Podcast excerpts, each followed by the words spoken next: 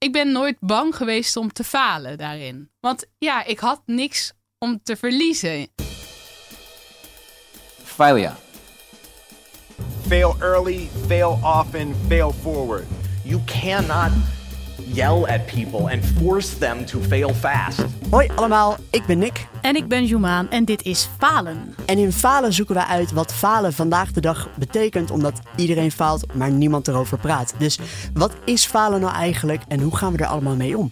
Elke aflevering nodigen we gasten uit die onfeilbaar lijken. En we interviewen onder andere psychologen, sociologen en filosofen. En als ultieme faalervaringsdeskundige delen we natuurlijk ook onze eigen inzichten. Later deze aflevering bellen we met acteur en filosofiedocent Martijn de Rijk over de falende mens. Maar eerst interviewen we een chefkok die nu al twee kookboeken heeft uitgebracht, meerdere programma's heeft gehad op 24 Kitchen, meerdere succesvolle restaurants heeft geopend en ze won in 2010 op 20-jarige leeftijd het eerste seizoen van Masterchef. Hier is ST Stroker. Wauw, dankjewel voor die mooie introductie. Graag gedaan. Graag gedaan. Welkom. dankjewel. Wat leuk dat je er bent. Ja, vind ik ook. V- vind je dit spannend? Is het voor jou... Nou, het is iets nieuws. Dus eh, ja, een nieuwe ervaring is altijd een beetje spannend en Ja. ook wel leuk.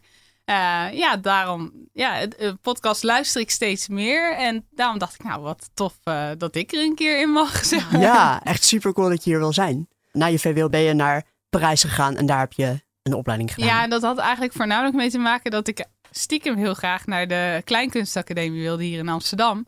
En meer een soort van, ja, ik dacht, wat moet ik dan in het jaar doen om dat weer te overbruggen om weer een keer auditie te mogen doen. Dus toen ben ik Ah. maar rechten gaan studeren en daar was ik heel snel klaar mee. En toen heb ik nog een keer auditie gedaan, ben ik nog een keer afgewezen. En eh, toen zei mijn moeder, want toen zat ik echt een beetje in zak en as. En toen zei mijn moeder, ja, maar je houdt toch zo van koken? En je wilde altijd naar Parijs, dus ga dan naar Parijs. Nou ja, dat, dat een goed idee. niet af. Ja. Ja. Ja. En heb je alleen in Amsterdam auditie gedaan? Ja, ja, ik was vrij, ja, ik wilde dat en anders niet. Geen andere toneelscholen Nee. uitgeprobeerd? Nou ja. Ja, ik weet niet wat je gemist hebt hoor. Nee, nou, achteraf, weet je, ik, eh, ik denk ook dat, dat het zo had moeten zijn. Ja. Ja. Want je was uiteindelijk, eh, voordat we zeg maar, dat was eigenlijk je allervroegste faalherinnering. Of meer van wanneer, wanneer we je vroegen, wat is voor jou? ja, die bleef wel bij. Die bleef je Ja. bij, zeg maar. Zo noemde je dat. Ja, dat was grappig, want als ik het heb over falen, dan nou, heb ik niet echt het idee dat ik daar. Ik heb nooit echt last van faalangst gehad op een middelbare school of zo. Of, ja, ik. Nee, en ook niet eigenlijk in, in mijn leven nu met koken kan ik ook eigenlijk helemaal niet zo heel veel voorbeelden bedenken. Maar dat was zeg meteen heel duidelijk. Die afwijzing, daar voelde ik me wel heel erg.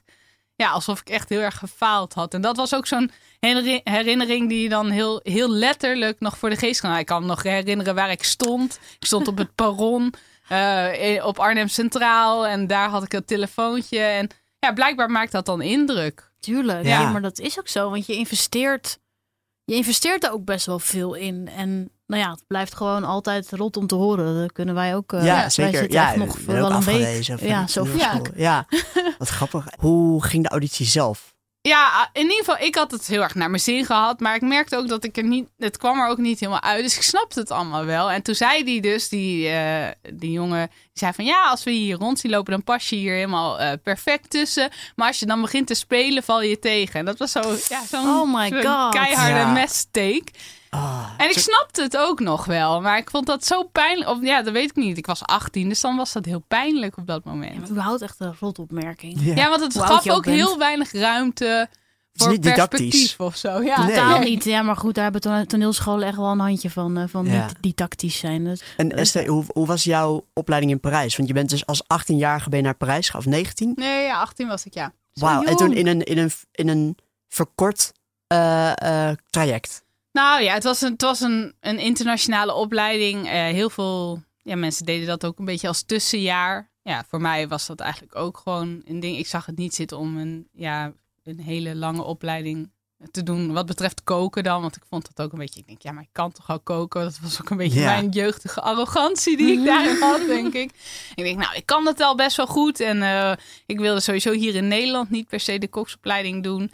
Ehm, ja, en, en toen kwam ik daar terecht. En eh, dat was wel heel leuk met allemaal internationale studenten. Ehm, en dat was op zich een korte opleiding. Maar ik- voor mij was het perfect, want je kreeg gewoon heel veel stof binnen een korte tijd. En daarna moest je stage lopen. En toen had ik ja, na die tijd ook wel het idee van, nou, eh, volgens mij eh, kan ik hiermee door. Want koken is toch super praktisch en moet je heel erg in de praktijk leren. Ik heb ook verschillende stages gelopen. En daar heb ik trouwens ook nog wel een leuke faalervaring. want, Oh, kom eh, maar op. nou, ehm, ik wilde heel graag in een drie-sterren restaurant stage lopen. Ehm, dat heette Pierre Gagnère. Ehm ja, was heel beroemd, heel klassiek Frans. Ehm, ja, als je dat op je cv had staan, dan was dat wel, wel mooi. Ehm dan mocht ik een dagje meelopen en dat ging voor mijn gevoel supergoed. Volgens mij ging het, ik denk nog steeds tot op de dag van vandaag dat ik eigenlijk heel goed gewerkt heb. Ehm, maar toch mocht ik niet komen. En toen vroeg ik aan mijn leraar, ja, maar waarom dan niet? En eh, wat is er nou flauwekul? Want ik heb het echt goed gedaan, weet ik zeker. Ja, toen zei ja, dat weet ik ook niet. Maar ja, er staan wel heel veel mannen en jongens in de keuken. En ik denk dat ze liever toch een jongen hebben dan een meisje. Oh. En eh, ja, volgens mij was dat het een beetje. Want, maar ook omdat het allemaal jonge broekjes waren. Ik was ook pas 18, ik sprak ook niet vloeiend Frans. En dat ze dachten, ja, dit, eh, dit gaat alleen maar voor afleiding eh, zorgen in de keuken. Dat denk ik een beetje. Nou, ik bedoel, leer je jongens om gewoon een beetje door te werken, ook als er een vrouw in de buurt is. ja, maar ja, dat, dat is sowieso wel gewoon... En zeker in Frankrijk, denk ik. Het is mega hiërarchisch en ook wel echt een mannenwereld. Ja? Maar dat schij- is dat in Nederland ook zo? Nou, ik denk nog steeds zo. Ik moet zeggen, bij mij in de keuken heb ik best wel veel vrouwen. En moeten we zelfs soms lachen dat er maar één jongen tussen al die vrouwen staat. Dan denk Kun je ik ook, wraak oh. uitoefenen. Ja, Iedereen gelijk afgeleid. nou, soms wel. Eh, nee, maar ik denk dat het steeds minder wordt hoor. Alleen er blijft nog steeds van oudsher wel een beetje een, mannenberoep. Maar dat komt ook omdat het best fysiek zwaar is. En denk ik daarnaast ook wel moeilijk te combineren is met een gezinsleven. Dus dat maakt het denk ik voor vrouwen ook moeilijk. Ik heb hier heel vaak gesprekken over gevoerd. En of dat nou goed of slecht is. En ik vind het ook wel eens te verklaren. Maar het zou zeker fijn zijn als er wat meer vrouwelijke chefs bij komen. Zeker die ook met de scepter zwaaien. Die gewoon de leiding hebben. Want Ja. je hebt wel heel veel vrouwen in de keuken. Maar zeker niet eh, die de leiding allemaal nemen. Nee. Ja. Want eh, zeg maar, al mijn eh, kennis over professioneel cuisine heb ik uit de film Ratatouille. Ja. Dus kun je mij vertellen wat een chef-kok precies allemaal inhoudt? Ehm, ja, nou ja, ehm, ik, ik ben niet ook, als ik eh, vanuit mijn eigen ervaring spreek, want dat moet ik wel doen, want ik heb eigenlijk niet heel lang in professionele keukens gewerkt voordat ik voor mezelf begon. Want ik ben dus ook al op mijn 21ste eh, mijn eigen restaurant begonnen, dus ik put vooral uit mijn eigen ervaring. En die ervaring is niet per se heel hiërarchisch, maar wat ik weet uit mijn stages uit Parijs en ook wel de ervaring die ik in Nederland heb opgedaan, is dat ja, het is een, eh, een leider van een, van een keukenteam. Eh, wat soms best militaristisch kan zijn. Het is echt, eh, ja, je begint onderaan bij de afwas. Of eh, dan echt bij het alleen maar snijden van groenten, voorbereidingen doen. Tot aan ja, de leider van de keuken die eigenlijk alleen nog maar proeft en checkt en eh, controleert. Ja. Dat is het hele ouderwetse beeld. Eh, voor mij als chef-kok ben ik eh, eindverantwoordelijk, eh, ben ik creatief eh, ook verantwoordelijk. En dat is ook wat ik het leukste vind, eh, is eh, ja, het creëren en eh, zorgen dat alles in goede banen wordt En de menus dus samenstellen Ja. eigenlijk ook. Oh, Ja. ja. Wat tof. En, en kook je zelf dan...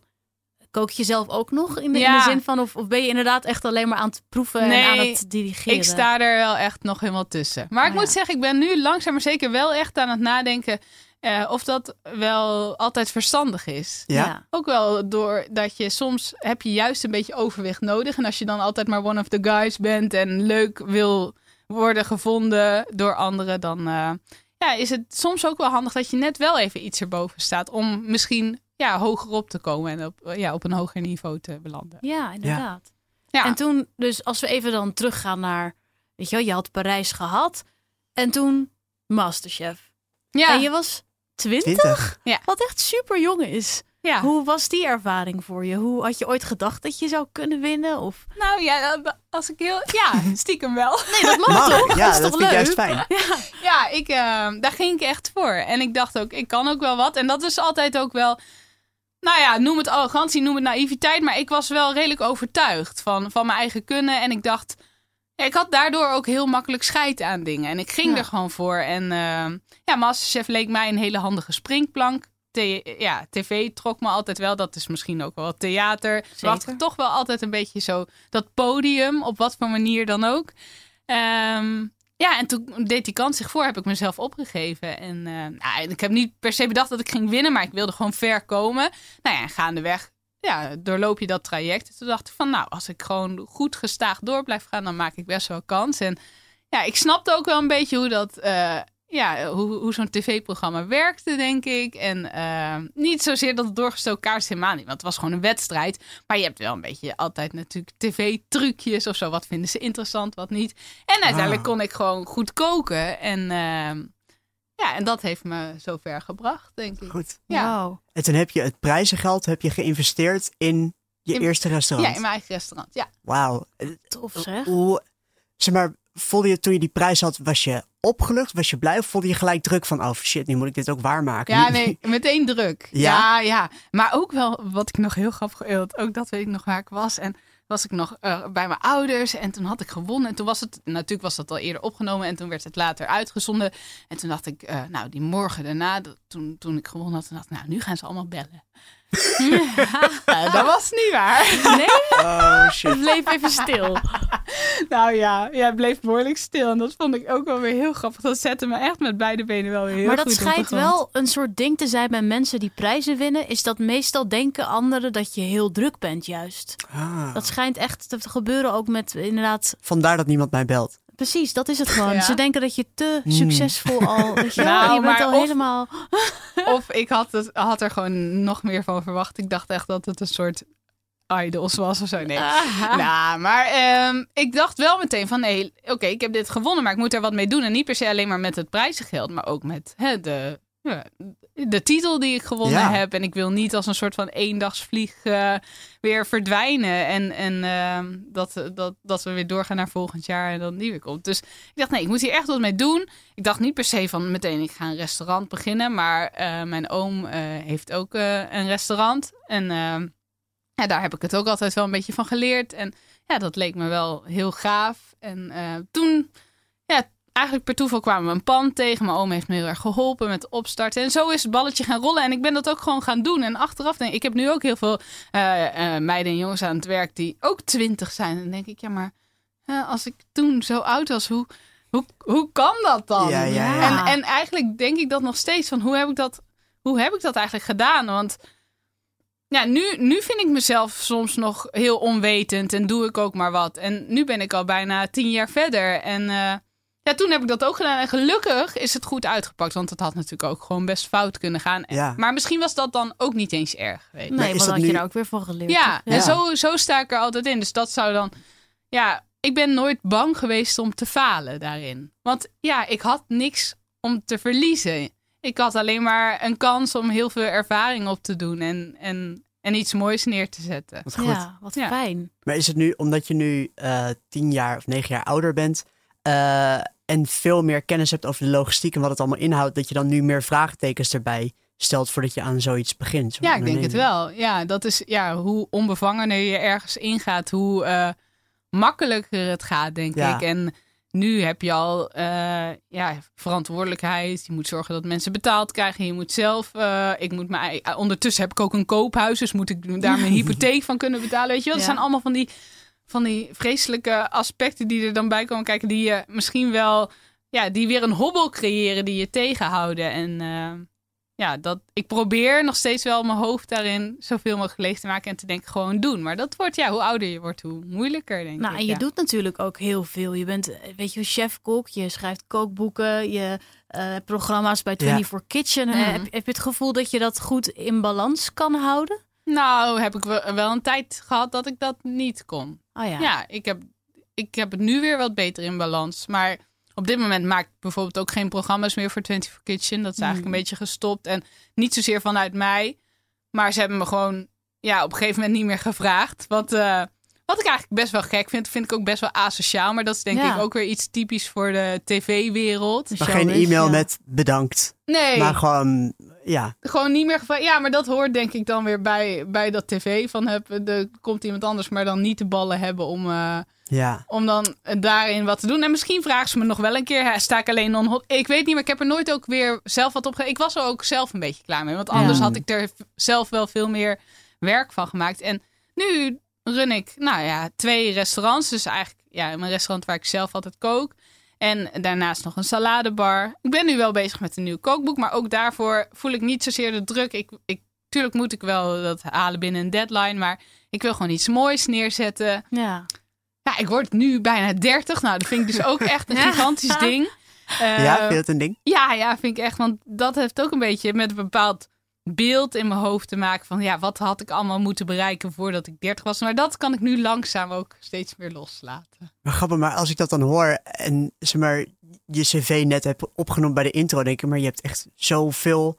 Eigenlijk heb, het, heb je het dubbele bereikt van waar veel mensen van 30 trots op zouden zijn. Ja, Ja. ja. dat is ja, dat zeggen heel veel mensen, maar zo voelt dat voor mij niet. Nee? Nee? Nee.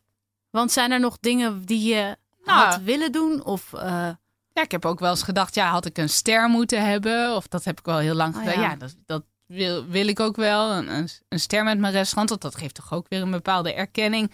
En nu denk ik steeds weer, ja, maar SC, waarom toch allemaal, weet je wel? Maar dat is, ja, dat is een soort van druk misschien van, van buitenaf. Of vind ik dat ik dan, heb ik bijvoorbeeld voldoende eh, ja, erkenning voor wat ik doe? Ik weet het niet. Dat is dan, het is, ik vind het ook een beetje zielig klinken hoor, als ik dat dan zo helemaal zeg. niet. Maar, Ik denk Ja. dat het heel menselijk klinkt, toch? En het is toch ook uitvogelen. Ik bedoel, dat is toch heel herkenbaar voor iedereen dat je. Ik bedoel, succes. Dat was eigenlijk onze volgende vraag. Wat is Ja. voor jou succes? Want dat geeft ook meteen aan wat dan niet succesvol is of wat, wat falen zou zijn. En dat is toch altijd enigszins geconstrueerd door je omgeving en door, ja, ja, dat, door dat de is het. wereld waar je in zit. Ja, maar eigenlijk is dat eh, iets, ik, ik, eh, voor mijn gevoel steeds meer zoiets van, ja, oei, word je daar dan gelukkig van? Of is dat dan, ja, Ja, ben je dan zelf succesvol? Of is dat meer wat, wat, wat anderen zien als succes? Dus dat, ik denk dat hoe, nou misschien nu wel, nu ik dan 30 word, dus, en, en dan bijna 10 jaar ervaring heb, hè, zo kan ik dat- ja dat is niet Eh, niks. nee, maar, ook- maar denk ik wel steeds meer van nee, probeer het nou gewoon dicht bij jezelf te houden. Want ik heb wel de neiging om heel erg naar anderen te kijken. Te kijken van, oh, maar die hebben dat en dat en dat. Ja, En ik heb dat nog niet. ja. En, Ja. dat, en dat moet ik gewoon, daar zou ik veel succesvoller van worden, denk ik, als ik dat los zou kunnen laten. Straks praten we verder met ST. Maar we praten nu eerst met filosofiedocent Martijn de Rijk over de falende mens. Dus wat is de falende mens? Ehm, volgens mij is dat gewoon de mens. volgens mij is het woord falend eigenlijk. ehm, ik, ja, hè, dat is bijna, het is bijna een soort dubbel op. Alleen al omdat hij doodgaat, natuurlijk. Snap je? Dus ehm, dat is al, dat is al, zeg maar, we worden al op het moment dat we geboren. eh, zijn we al klaar om te sterven? Of, of staat het sterven al zeg maar, in het vooruitzicht? En, eh, en het sterven is natuurlijk al het, eigenlijk het grootste falen zou je kunnen zeggen. En heel veel eh, filosofie gaat daar ook over. Ehm, maar ik denk niet dat dat het falen is waar jullie op, op doelen. Tenminste, dat moeten jullie maar zeggen. Is dat, ik bedoel, Nou. wa- wat, bedoel, wat vinden jullie zelf wat, wat falen is? Ik bedoel, bedoel, je kunt daar op een heleboel verschillende manieren naar kijken natuurlijk. Zeker. Nou ja, van wat, we tot, tot nu toe natuurlijk hebben ontdekt, is dat voor veel mensen is falen ehm, als je niet voldoet aan de verwachting die je van jezelf hebt. En die is vaak gecreëerd door de Ah, verwachting die andere mensen van je hebben. Dus dat is natuurlijk heel psychologisch. Maar ik vind deze insteek van de falende mens uiteindelijk. Eh, weet je wel, sterven kan je ook zien als een soort falen.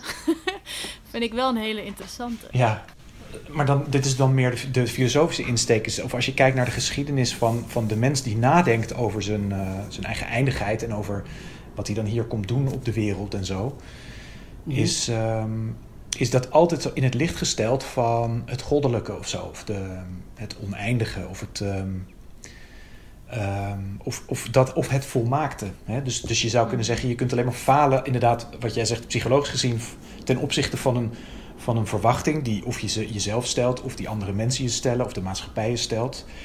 Ehm, maar als je kijkt naar ehm, de filosofie of de geschiedenis van de filosofie, dan zie je dat het ook heel erg gaat over de idee het volmaakte. Hè? Dus dat eigenlijk vanaf, en dan, maar dan begin ik eigenlijk, zeg maar, als je kijkt naar de, de klassieke filosofie, de klassieke westerse filosofie, dus de Grieken, eh, die waren daar heel erg mee bezig. D- dus hoe komt het nou dat wij een idee hebben van het volmaakte? En, en alleen ten opzichte van het volmaakte kun je natuurlijk, ben je falend. En, en eh, al snel, ik bedoel, was ook het idee, wij als mensen zijn sowieso onvolmaakt. eh, ten opzichte van het idee volmaakt. Ja. Ja. En, maar dat is misschien wel interessant om. eh, eh, eh, er zijn al met- meteen die geschiedenis van, de, van, die, van die klassieke Griekse filosofie. Eigenlijk de twee grootste, de grootste namen daarin heb je. Je hebt aan de ene kant Plato en aan de andere kant Aristoteles. Die dachten daar radicaal anders over. Over volmaaktheid of perfectie. Nou, zal ik meteen maar even. Dan ga ik meteen college geven. Graag. Plato die, die veronderstelde dat, dat, wij, dat de wereld waarin wij leefden, waarin wij leven nog steeds, dus zeg maar de materiële wereld die we kunnen hè, vastpakken en aanraken en waar we in ademen, dat dat eigenlijk een soort onvolmaakte kopie is, waarin eigenlijk alles streeft naar de idee van zijn, het is eigenlijk de, zijn volmaakte idee. Hè, dus een stoel eh, neemt, is, is, kunnen we herkennen als stoel, omdat die deelneemt aan de idee stoel. Of een, eh, en een, cir- en een Ja, cirkel doet, doet, neemt deel aan de idee cirkel. Alleen de idee cirkel is volmaakt. En iedere cirkel die we op aarde proberen te maken door hem te tekenen of te beeldhouden, die is, die is onvolmaakt. Omdat het materieel is. Je had in, in het boek eh, De Wereld van Sophie werd het geloof ik uitgelegd van... Je hebt eh, een... Ja, als je koekjes gaat bakken heb je een, eh, een vorm van een paard. En dan snij je dan in het deeg snij, snij je de paard. En die is dan perfect. Maar als je het bakt, dan zou je nooit de perfecte uitsnede hebben. Dat, dat is Ja. een beetje wat je nu... Ja, Dat, is, dat, is, dat is een beetje, dat is zeg maar de, een, een hele overzichtelijke uitleg Jip en Janneke. van Plato. Ja, dus de wereld van Sophie uitleg. Eh, Nee, Ja. ja daar, eh, maar het idee, eh, zeg maar wat Plato zei van die wereld waar, van al die vormpjes, hè, die we nog maar even bak, hij noemde het ook vormen, maar het, het, het woord bakvorm vind ik dan ook heel grappig. Dus die vormen die bevinden zich niet in, die bevinden zich niet in onze wereld, maar in een, in een hij, dacht die er, hij dacht er een soort wereld bij. Die bevinden zich in, de, in een transcendente wereld, eh, noemt- zo, eh, zoals hij dat noemt. Ehm, dus dat is een wereld buiten de materiële wereld, waar wij als mensen nooit, die we nooit kunnen bereiken, maar de- waar we wel op een of andere manier een notie van hebben. Omdat we dus denkende wezens zijn, omdat we ja, op een of andere manier kunnen nadenken. En dat denken voert ons naar het idee van die wereld. Eh, maar goed, dat betekent, als je daarvan uitgaat, dat het volmaakte onbereikbaar is. Ja. Dus dat succes, of uh, dus dat we bij wijze van spreken gedoemd zijn tot falen. Altijd, in wat we ook proberen te doen. Hè. Als, als je, je wil een perfecte toneelspeler worden of je wil een, een fantastisch beeldhouwer worden, dat kan dus niet. Want die ideeën die bevinden zich niet in onze wereld. Nou, ja. Daartegenover staat Aristoteles, die zei: Nou, nee, dat is onzin. Er is maar één wereld, namelijk de wereld die wij hebben, waar we in zitten. En daar kunnen we een heleboel over leren. En, als je, en, in, en vanuit dat um, beginpunt denkt hij dus ook na over: maar wat is dan volmaaktheid? En bestaat volmaaktheid dan in deze wereld? En Aristoteles zegt: ja, ja dingen zijn gewoon, het is heel simpel. Dingen zijn soms volmaakt. Um, uh, als, als iets compleet is, dan is het volmaakt. Dus, dus bij wijze van spreken, wij zijn mensen. Mm-hmm. En we hebben allemaal uh, gewoon ledematen en organen. En als dat allemaal werkt, dan zijn we in die zin volmaakt. Dan werken we dus gewoon. Dan zijn we gewoon goed. Ah. Uh, maar je kunt ook perfect zijn in de zin, of volmaakt zijn in de zin van dat je de beste bent. Dat er het beste wat er een volmaakte wijn bij wijze van spreken. Ja. Dus Oh, ja. gewoon alleen maar in vergelijking met alle wijnen op de hele wereld. En er zijn dan mensen die het allemaal proeven en die zeggen dan, dat is hem. Die is volmaakt. Mm. Um, of je kunt ook zeggen, uh, iets is volmaakt als het zijn doel bereikt heeft. Die Grieken die waren heel erg uh, van het, het doeldenken. Die dachten dat alles wat bestaat eigenlijk een soort doel nastreeft. En zodra je dat, uh, zodra dat je lukt, dan heb je, heb je dus ook de volmaaktheid bereikt. Dus dat zijn eigenlijk alle drie hele haalbare interpretaties van het volmaakte. Eigenlijk die je gewoon echt kunt volbrengen in de wereld. En dan kan je dus wel. Uh, dus dan is. Dan zijn we dus in die zin niet gedoemd te mislukken. Ja. Dus dan uh, moeten we gewoon heel hard werken om het toch te proberen, om te slagen. Maar zien zij dan uh, het falen zelf? Zien zij daar dan ook een doel in? Een soort Inception-vraag. ja. Ja, dat. Uh,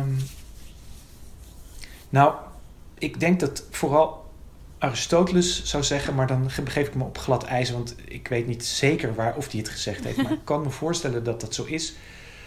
Dat je faalt om te leren, om als mens beter te worden. Dus om jezelf als mens te volmaken. Mm, ja. Um, dat. Maar er zijn ongetwijfeld ook vormen van falen die nergens toe leiden. Ja. Uh, tuurlijk, uh, als, je, als je faalt, dan wil je daar zoveel mogelijk uithalen. Mhm. En dat zijn vaak ook, ook momenten in je leven die heel veel indruk uh, op je maken. En die je echt herinnert nog. dat je echt door het ijs zakt. um, en het is natuurlijk fijn als je daarvan kan leren, maar het is natuurlijk lang niet altijd zo dat je, dat je daar iets van leert. Nee. Ja. Denk ik. Ja, dat je er lessen uit haalt.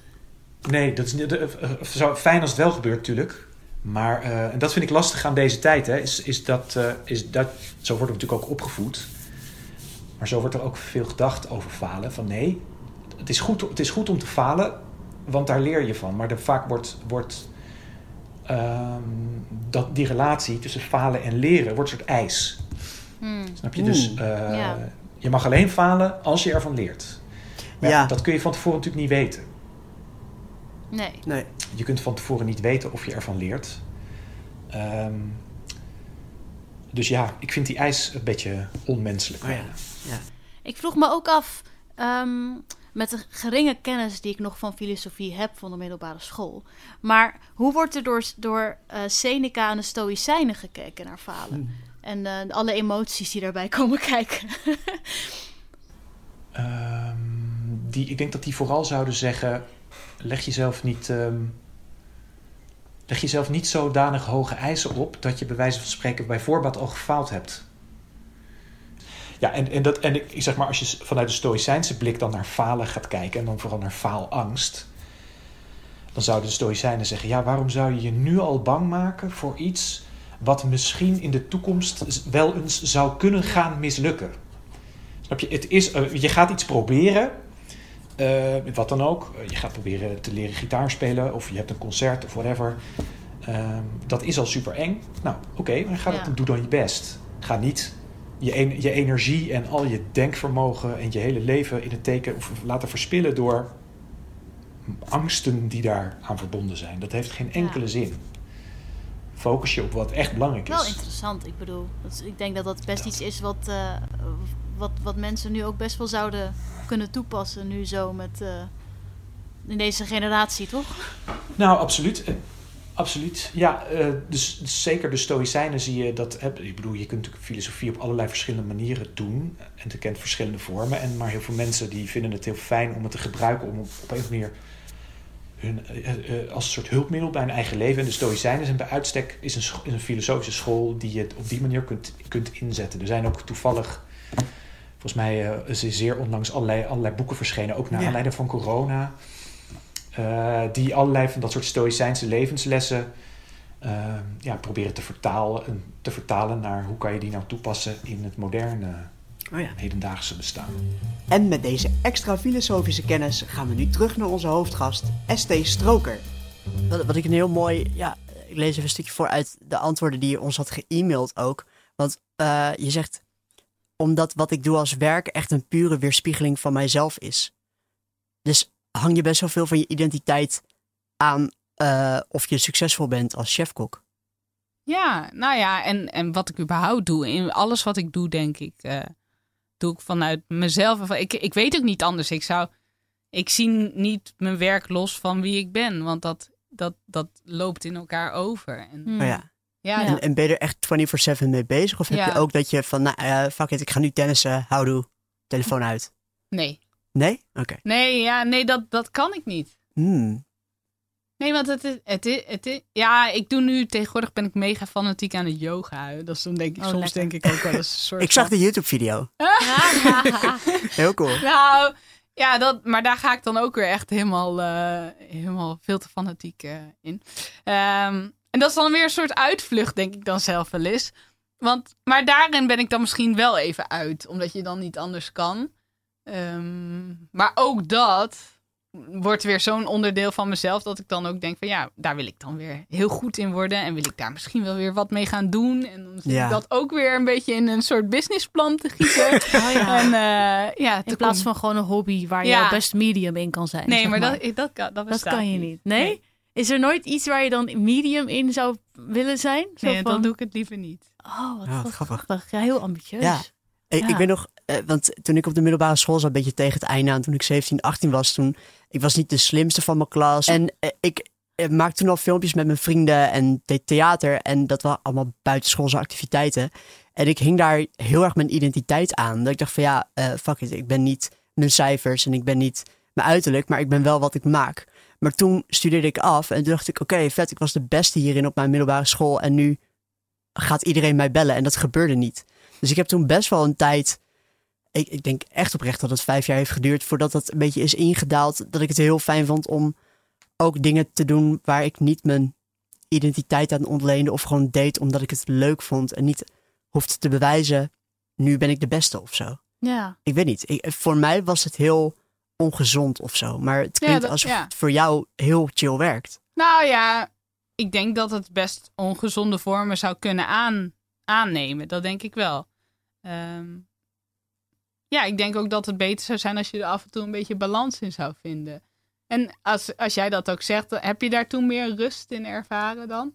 Ja, ja, zeker. En ik heb, doe nu echt ook hobby's waarbij ik niet hoef te bewijzen aan iemand dat ik het kan of zo. Ik speel ukulele en banjo en ik ben er niet super goed in, maar wel... Nou, dat is niet waar. Je bent best wel goed hoor, Nick. Zo, Thanks, Freddie. nee, maar het, het is vooral Nee, dat ik, ik ehm, doe het niet zodra ik bij mezelf denk, oh, nu ga ik het eh, filmen en op Instagram zetten, dan stop ik ermee, omdat het is ook fijn dat ik het voor mij bewaar nu en niet hoef te bewijzen dat ik het aan anderen, ja, dat ik het soort vanuit een soort fanatiekheid ga doen. Dus ik heb Ja. ook afgesproken dat zodra ik geen zin meer heb, dan leg ik hem weg. Nou ja. Ik hoef niet elke dag een uur te knallen om, om me er goed bij te voelen. En dat, dat lukt niet altijd, want soms dan word ik er heel fanatiek in. En de andere keren dan kan ik het weer laten gaan of zo. Omdat het zo'n... De wereld waar, waar wij drieën eigenlijk in zitten is best wel prestatiegericht. Ja, zeker. Ja. Ik heb dat met yoga. Ik heb echt geaccepteerd dat ik gewoon echt, ik ben super medium yoga. Zeg maar, ik ben, ja, ik, het lukt, heel veel dingen lukken me niet. Ik bedoel, ik, ik heb me heel lang gefrustreerd dat die stomme downward facing dog. Ik krijg nooit mijn benen recht of mijn hielen op de grond. Ik ben nu al vier jaar aan het yoga en het is me nooit gelukt. Ik heb gewoon geaccepteerd dat die voor mij gewoon een zesje is. Weet je, gewoon prima. Maar niet iets om. eh, nee. Want eh, Estee, wat is falen precies voor jou? Nou ja. Ja, dus niet. eh, ja, iets, iets niet goed genoeg kunnen doen en daar eh, dan een oordeel aan hangen. Of dat andere mensen daar dat veroordelen, denk Oh ja. ik. Eh, maar uiteindelijk natuurlijk in je eigen hoofd ga je af, denk ik. Ja, anderen kunnen ook zeggen dat je afgaat. Ja, dus dat je gaat, ja. Je voldoet niet aan een verwachting, denk ik. Of Ja. dat dan voor jezelf is of, of voor anderen. Ja, En wat, wat is voor jou erger? Eh, als anderen zeggen dat je hebt gefaald of als je het zelf zegt over jezelf? Nou, ik denk dat het, eh, op het op het eerste gezicht harder kan aankomen als anderen dat zeggen. Ja. Maar uiteindelijk gaat het er natuurlijk om, ja, ja, hoe jij je erbij voelt. En nou ja, als ik het heb over een ervaring waarin ik zelf heel erg gefaald heb, dan was dat een veel ergere ervaring, zeg maar, die ik, die ik er dan bij zou halen. Dat, ja, uiteindelijk Ja. is dat veel erger. Alleen ik denk dat het op het eerste, het eerste gevoel kan harder aankomen als, als anderen zeggen dat je gefaald hebt. Ja. oh ja. Ja. En je had ook, eh Estee, een hele mooie persoonlijke faal met ons gedeeld. Ja. Kun je daar iets over vertellen? Ja, dat was dus als je het hebt over de ergste faal, is dat het denk ik wel. Want nou, dat was iets waarin ik dan als mens faalde, denk ik. En ook wel echt. Dus, eh, maar mijn moeder die is ooit eh, gedotterd eh, na een hartinfarct. En eh, toen, ja, ik weet, dat was nog redelijk in het beginstadium van een restaurant. Ik denk dat ik het toen twee jaar had. Dus nou, toen werd ik misschien nog wel meer opgeslokt dan nu. Ik ga het nu al, hoor je het? Ik ga het al eh, een beetje... eh, Downplayen. ja, downplayen, ja.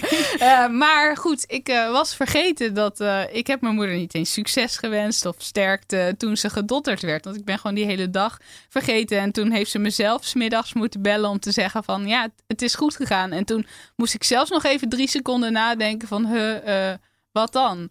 Ja, dus ik was dat Oh. gewoon compleet vergeten. En dat, ja, dat was natuurlijk heel pijnlijk voor mijn moeder. En ja, toen dacht ik, oh, nou ben ik echt wel heel erg als dochter ook wel echt gefaald. En ja, en terecht ook. Maar dat is dus wel iets wat, ja, waar ik, waar ik vaker last van heb van dit soort dingen. Ja? Als, ja, dat zit denk ik een beetje in mijn karakter. Dat ik gewoon niet zo'n ster ben in. Niet zozeer, ik, kan, ik heb best een goed geheugen. En kan, dit- maar ik, ja, op een of andere manier eh, denk ik dat het niet zo belangrijk is of zo. Ja. Of ja, dat het toch wel goed komt. Of, eh, Het is blijkbaar wel belangrijk genoeg voor je dat je het nu Ja, hier deelt in de podcast. Ja, want het is, ik heb het wel onthouden. Ja. Tuurlijk, ja. Want nou, ik heb ook wel flink, flink natuurlijk eh, op, mijn, fl- ja, of op mijn flikker gegeven. Maar goed, ik heb gewoon echt de teleurstelling van mijn moeder gehoord. Dus dat, ja. dat doet dan wel pijn. ja. Ja. Ehm, ja, dus daardoor is het me wel bijgebleven. En, en dus heb ik daarvan geleerd. Maar blijkbaar ehm, heb ik dat niet eh, uit mezelf kunnen halen. Nee. Gewoon. Maar dan is het misschien ook een deel persoonlijkheid, toch? In de zin van niet dat je persoonlijkheid is dat je andere mensen faalt of zo, maar meer van eh, de een kan daar iets meer vanuit zichzelf oplettender op zijn dan Ja. de ander, toch? Ja, dus moet ik dat dan eh, geforceerder gaan leren. Maar dat Ja. vind ik eigenlijk wel een beetje zielig van, van mezelf, zeg maar, dat ik dat niet kan. Dan denk ik, joh, wat... Ik kan heel veel andere dingen wel die misschien helemaal niet belangrijk zijn. En, en eh, ja, en, en hierin eh, ga ik dan wel een beetje af als, als... Ja, nou ja, dus als dochter of als, als mens. Ja. Maar ja, het maakt je ook een mens, want ik neem aan dat andere ja. mensen jou ook wel eens gefaald hebben, toch? Eh Ja, maar, niet, ja, maar persoonlijkheid. Ja, maar niet zoiets, iets misschien wel levensbedreigends of iets Ja. wat, wat heel veel impact heeft. Ja, dat snap Ja. ik. Ja, Nou ja. vond ik gewoon echt dom. Dom van mezelf. Ja. Hoe Ja. kijkt je moeder daar nu op terug? ja, weet ik niet. Of ik, ja, nou, ik denk, eh, ze weet dat ik zo ben. Hmm. En dan zegt ze automatisch dat ik dan heel erg op mijn vader lijk. Eh, natuurlijk niet op haar. Zij zou nooit zulke domme fouten maken. Ehm, dus ze kan dat denk ik wel ergens relativeren. Maar ja, ik, er zijn wel vaker momentjes. Nou ja, ook wel eens ja, bij, bij mijn ouders of misschien bij mijn ex-vriend of zo. Die, nou, die, dat- die me dat, dat soort verwijten ook wel eens maakt. Dus ik loop daar nog steeds tegenaan. Ja. Maar Ja. is het ook iets wat je bedoelt? Tuurlijk is dat iets wat je enigszins misschien aan jezelf wil veranderen. Maar is het misschien ook iets wat je op een gegeven moment kan accepteren aan jezelf? Dat je dat je, dat je, je best doet om het af en toe te veranderen, maar dat je ook af en toe gewoon accepteert dat je misschien mensen soms. Jawel, maar het is toch. Ik denk, ik vind het wel een, een, soort egocentrisch trekje. Dat je toch te druk bent met je eigen leven. Waardoor je dus sneller voorbij loopt aan andere mensen. Of dat zelfs zo bagatelliseert van ja, het is niet zo belangrijk wat zij doen of wat zij hebben. Ja, Ja, ja. ja. precies. dus nou ja, tuurlijk, dat, daar kan ik dan wel mee om leren gaan. Maar ik vind wel dat ik daaraan moet werken. Oh ja. Ah, het is wel heel zelfinzichtelijk van ja, je, vind het, ik hoor. Het is gewoon heel volwassen. Het klinkt Ja. gewoon, ja, ik weet niet. Ja. Hey, jij hebt een keer ooit, eh, als we teruggaan naar e- eten en zo. Je, je zei ooit dat wij Nederlanders wat trotser mogen zijn op onze keuken. ja. En even voordat we daarop ingaan, ben, ben je van jezelf een, een trots persoon? Ja. Ja? Ja, ik ben wel een, ja, ik denk zeker dat ik wel een trots persoon ben. Ja, dat ik heel, ja, dat ik nu ook steeds meer wel wat trotser kan zijn op wat ik zelf heb neergezet. Maar ook altijd heel trots kan zijn als, als eh, iemand anders had bereikt. En dat, dat is dus wat betreft het, het Nederlandse eten. Zou je dan, daar kan je trots op zijn, zeg maar. nou ja, de dat, dat denk ik wel veel meer dan dat wij zijn. In Ja. ieder geval. Dus, en zeker als je het vergelijkt met, eh, met Frankrijk of Italië, waar, eh, waar je echt een bepaalde Franse of Italiaanse cuisine hebt. En eh, echt dat je zo al vijf gerechten kunt opnoemen die, eh, die daar eh, heel bekend zijn. En dat kunnen wij ook, maar wij gaan dat meteen helemaal relativeren en zeggen: ja, nee, maar stampot, daar ga ik niet trots op zijn. Of een gehaktbal, of ja, nee, ja, oh ja, stroopwafels. Maar wat wij hier in Nederland bijvoorbeeld echt uniek hebben, is dat wij vier hele duidelijke seizoenen hebben. En dat je Hmm. eh, daarin heel veel onderscheid kunt maken. En dat het echt wel verder gaat dan alleen maar boerenkool die je in de winter eet. Maar ja, als je uiteindelijk alleen maar daarover, eh, als je daar blijft hangen en dat al niet, niet tof vindt, dan kun je dus ook nooit er trots op zijn. Ik denk Ja. dat we het meer moeten gaan vertalen naar iets creatievers en iets culinairders. ja. Cool. Ehm, maar wel van, vanuit de trots de- dat je, dat je misschien vroeger dat jij de stampot van eh, je oma het allerlekkers vond. En dan kun je dat. Ik ga dat zelf wel weer vertalen naar een culinair gerechtje. Wat ook ja, meer, aanspreekt voor andere mensen, denk ik. En Ja. is dat dan ook voor jou, zeg maar, de, de magie van het koken? Dat je, want je, je hebt ook wel eens gezegd dat je je gasten meer wilt brengen dan alleen je gerecht. Is dat dan wat je bedoelt, dat er een soort geschiedenis aan vastzit? Ja, ja een, een bepaalde authenticiteit. Ja. Ja. Ja, ja, zeker wel een verhaal. ehm, ja, dat je daarmee herinnering eh, kunt opwekken bij mensen.